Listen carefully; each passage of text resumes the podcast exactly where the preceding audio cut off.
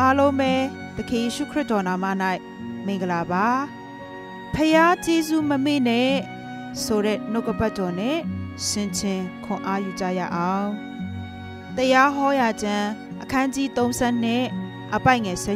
78သင်ဖြစ်ရာမူလအမြစ်ကိုသင်မမှတ်မိတင့်ကိုဖန်ဆင်းတော်မူသောဖယားသခင်ကိုသင်မေ့လျော့ပြီဖယားသခင်သာကျမတို့ကို မရွေးကောက်ခဲ့ရင် ကျမတို့ဟာမြေမုတ်တက်တက်ဖြစ်ပါတယ်။တို့တော့ဖယားသခင်ကကျမတို့ကိုချစ်တော်မူသောကြောင့်မိမိဘုံစည်းစိမ်ကိုစွန့်တီးတာမကအသွေးသွန်းအသက်စွန့်ကကျမတို့ကို အပြစ်မှရွေးဝယ်ခဲ့ပါတယ်။ဖယားသာမရွေးဝယ်ခဲ့ရင်အပြစ်ရဲ့အခသေခြင်းကို ပေးဆက်ရမယ့်သူတွေဖြစ်တယ်။တို့တော့ကျမတို့ကိုဖယားရဲ့အိမ်တော်သားအဖြစ်ချီးမြှောက်ထားတယ်။ ဒါကြောင့်ဒီနေ့ကျမတို့လက်တွေ့ဆုံးဖြတ်ချက်ချရအောင်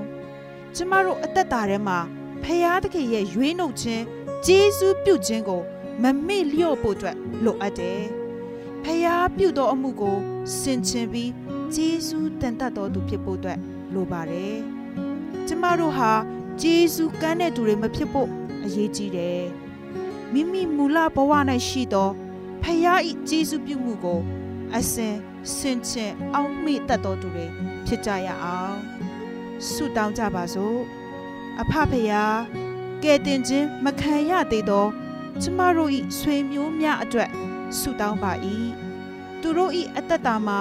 ကိုတော်ကိုမိမိ၏ကဲတင်ပိုင်ရှင်အသက်သခင်အနေဖြင့်အမြန်ဆုံးလက်ခံယုံကြည်သောသူများဖြစ်စေပါအသက်ရှင်တော်ထာဝရဘုရားကျမတို့ကို ကိုရောဤအိမ်တော်သားဖြစ်စေသောကြောင့်ဂျေစုတင်ပါ၏ကိုရောသားမကယ်ရင်မြေမှုတ်တက်တက်အပယ်လားရမည်သူများသာဖြစ်ပါတယ်ကျမတို့အသက်တာထဲမှာဘဝမမေ့ပဲကိုရောပြုတော်ဂျေစုကို အစဉ်ချီးမွမ်းတတ်တော်သူများဖြစ်စေပါသခင်ယေရှုခရစ်နာမ၌ဆုတောင်းပါ၏အာမင်